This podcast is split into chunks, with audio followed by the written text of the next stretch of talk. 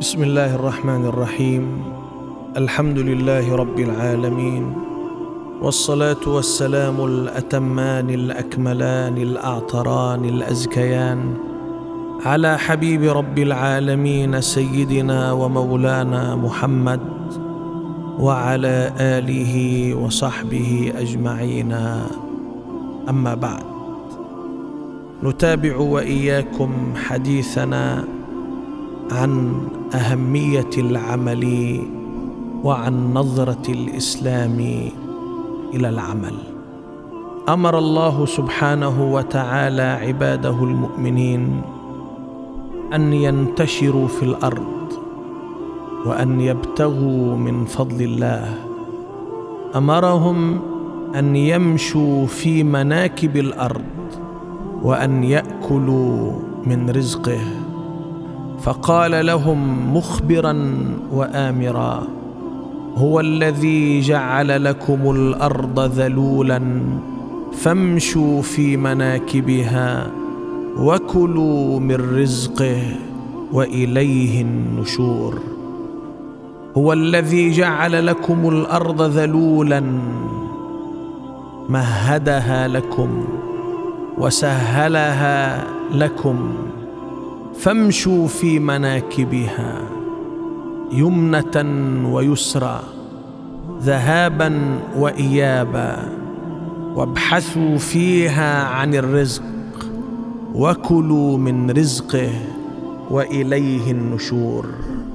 في كل أيامكم وفي كل أوقاتكم حتى في يوم الجمعة الذي هو يوم راحة ويوم صلاة قال لنا بعد أن أمرنا أن نلبي نداءه للصلاة يا أيها الذين آمنوا إذا نودي للصلاة من يوم الجمعة فاسعوا إلى ذكر الله. قال وذروا البيع أي أنكم قبل قدوم قدومكم إلى صلاتكم. أنتم في بيع وفي شراء حتى في يوم الجمعة. فإذا ما جاء وقت الصلاة ونودي للصلاة من يوم الجمعة فاسعوا إلى ذكر الله لإعادة شحن القلوب ولإعادة ملء القلوب بالطاقه الإيمانية والنورانية. ولكن فإذا قضيت الصلاة فانتشروا في الأرض وابتغوا من فضل الله واذكروا الله كثيرا لعلكم تفلحون. إذا انتهيتم من صلاتكم ومن الاستماع إلى خطبتي الجمعة.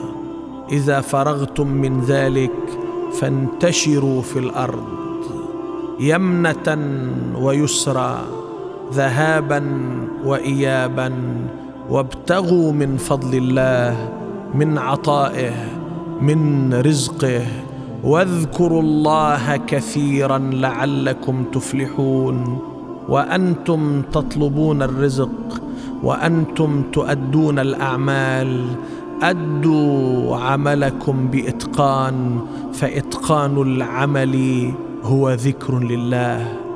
أدوا عملكم بأمانة فالأمانة في العمل هي ذكر لله. أدوا أعمالكم باستشعار حال الناس واستشعار عوزهم فاستشعار عوزهم ذكر لله. فامشوا في مناكبها وكلوا من رزقه وإليه النشور فانتشروا في الأرض وابتغوا من فضل الله واذكروا الله كثيرا لعلكم تفلحون. شجع رسولنا صلى الله عليه وسلم على العمل في كل ميادينه. ومنها ميدان التجارة. فقال صلى الله عليه وسلم التاجر الصدوق يحشر يوم القيامة مع الصديقين والشهداء. التاجر الصدوق في تجارته الصادق في معاملته المتقن لعمله الأمين في أدائه يحشر يوم القيامة مع الصديقين مع الشهداء. يرغب النبي صلى الله عليه وسلم ويشجع على العمل في التجارة ويضع له هذه المثوبة الكبيرة. ثم يقول صلى الله عليه وسلم تسعة أعشار الرزق في التجارة فعليكم بها. عليكم بها أمر نبوي أي عليكم بالتجارة. ويرغب بذلك حين يقول تسعة أعشار الرزق في التجارة فعليكم بها أي عليكم بالعمل في التجارة. فالله سبحانه جعل تسعة أعشار الرزق في التجارة. هي تسعة من عشرة الرزق في التجارة. هذا الأمر النبوي وهذا الإخبار النبوي فيه دلالة على قيمة العمل في الإسلام وأهمية العمل في الإسلام. وهذا النبي صلى الله عليه وسلم يشجع أيضا على الصناعة كما شجع على التجارة. يقول صلى الله عليه وسلم إن الله يحب المؤمن المحترف. إن الله يحب المؤمن المحترف. المحترف أي صاحب الحرفة صاحب الصنعة. إن الله يحب هذا المؤمن صاحب الحرفة وصاحب الصنعة. هذا الإيمان المقرون بإتقان العمل الإيمان المقرون بالإنتاج هذا المؤمن المنتج هذا المؤمن الفعال في مجتمعه هذا المؤمن الإيجابي في مجتمعه هو ذا المؤمن الذي يحبه الله ويحبه رسول الله صلى الله عليه وسلم. ثم يقول صلى الله عليه وسلم خير الكسب كسب الصانع والعامل إذا نصحا خير الكسب أفضل الكسب أفضل طريق في كسب الرزق. كسب الصانع أي صاحب الصنعه وكسب العامل إذا نصحا يعني إذا كانا أمناء ونصحا المشتري ونصحا من يحتاج إلى هذه الآلة المصنوعة. خير الكسب كسب الصانع والعامل إذا نصحا عندما هاجر النبي صلى الله عليه وسلم إلى المدينة حث أهلها على العمل. فجاءته امرأة ببردة بردة يعني عباءه تلبس. جاءته امرأة ببردة وقالت نسجت هذه لك يا رسول الله لأكسوكها. أنا نسجتها لك بيدي لتلبسها أنت. ما الذي فعله النبي صلى الله عليه وسلم؟ فرح بها وقبل البردة. كل ذلك ليشجع على الصناعة وليشجع على عمل اليد. ثم شجع صلى الله عليه وسلم على الزراعة. وسيكون لنا وإياكم حديث عن الزراعة في الإسلام. شجع على الزراعة فقال ما من مسلم يغرس غرسا أو يزرع زرعا فياكل منه إنسان أو طير أو بهيمة إلا كان له بها صدقة. إن شاء الله تعالى في موضوع الحديث عن الزراعة في الإسلام نفصل في هذا الحديث إن شاء الله تعالى. ويقول صلى الله عليه وسلم التمسوا الرزق من خبايا الأرض. هذا حث على الزراعة. التمسوا الرزق من خبايا الأرض. وثبت أنه صلى الله عليه وسلم عندما التقى سعدا بن معاذ رضي الله تعالى عنه نظر إلى كفيه فوجد كفيه خشنتين من آثار العمل.